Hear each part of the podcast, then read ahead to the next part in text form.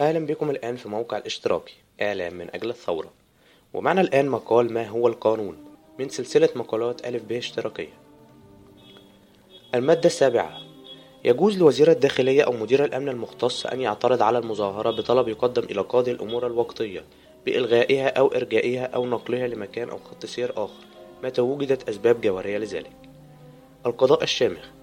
تتداول هذه العبارة في المعتاد بشكل يسخر من معناها المباشر بهدف الإشارة إلى القضاة الفاسدين أصحاب المصالح الشخصية الذين يحرفون القانون لتحقيق أغراض حكاما فاسدين ليس هذا هو بالطبع ما يقصده الجميع لكن هذا اللفظ يحمل فكرة أن القانون هنا عنصر محايد مواده تقف في صف الجماهير في المعتاد لكن أشخاصا متلاعبين بالقوانين هم وراء الظلم والفساد في الدولة ولكن ذلك بعيد تمام البعد عن الواقع. بالمفهوم المتعارف عليه تمثل القوانين العلاقة بين المواطنين والدولة شروط العلاقات ما بين المواطنين وبعضهم وشروط تعاملهم مع جهاز الدولة نفسه. وتفترض هذه الصيغة حيادية هذه القوانين وتساوي كل المواطنين أمامها.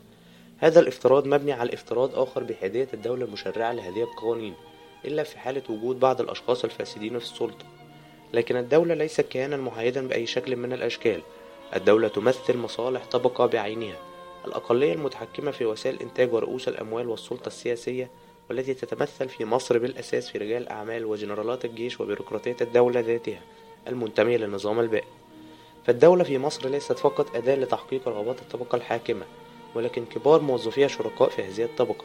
الدولة منذ نشأتها هي وسيلة لتطبيع شكل المجتمع الطبقي ومحاولة إخفاء طبيعته المتناقضة القائمة على استغلال إنتاج وعمل أغلبية المجتمع لصالح أقلية قليلة فيه. وإخضاع الملايين من الكادحين بالقوة أو بالخداع للقبول بعملية الاستغلال الممنهج تلك. القوانين في واقعها إذا ليست سوى أدوات إخضاع الجماهير للطبقة الحاكمة.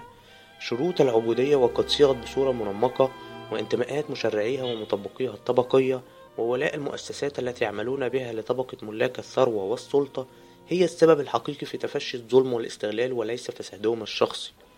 يمكن التأكد من واقعية هذه الرؤية من النظر إلى القوانين المصرية نفسها كدليل. مثلا قانون التظاهر الذي اقتبسنا إحدى مواده في بداية المقال القانون يمثل رغبات سلطة الثورة المضادة في جعل خروج أي مظاهرة معارضة للنظام ولحكمه دون تعرضها للاعتداء الأمني شبه مستحيل. فنحن أمام قانون يهدف لتعطيل الثورة لحماية مصالح الطبقة الحاكمة وليس قانون محايد لتنظيم التظاهر.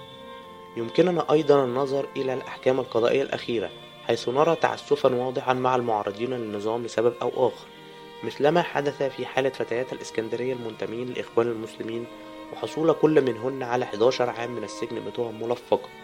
وطلاب جامعة الأزهر الذين حصلوا على 17 عام من السجن بالإضافة إلى الاعتقالات المستمرة للثوار والنشطاء في نفس الوقت الذي يستمر فيه مهرجان البراءة لجميع قتلة الداخلية ورجال نظام مبارك. ماذا عن محاولة تشريع رفع دعم الطاقة عن عامة الجماهير رغم الاستمرار في إمداد مصانع المستثمرين بالطاقة المدعمة؟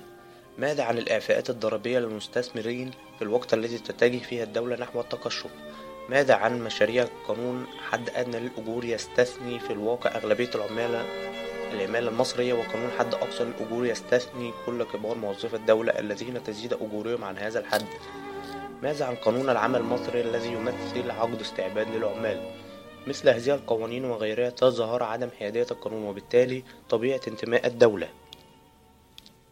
الحل في مواجهة هذه الانحيازات لا يكمن في محاولة إصلاح الدولة بشكلها الحالي أو محاولة تحييدها من الداخل فهذا هو المستحيل.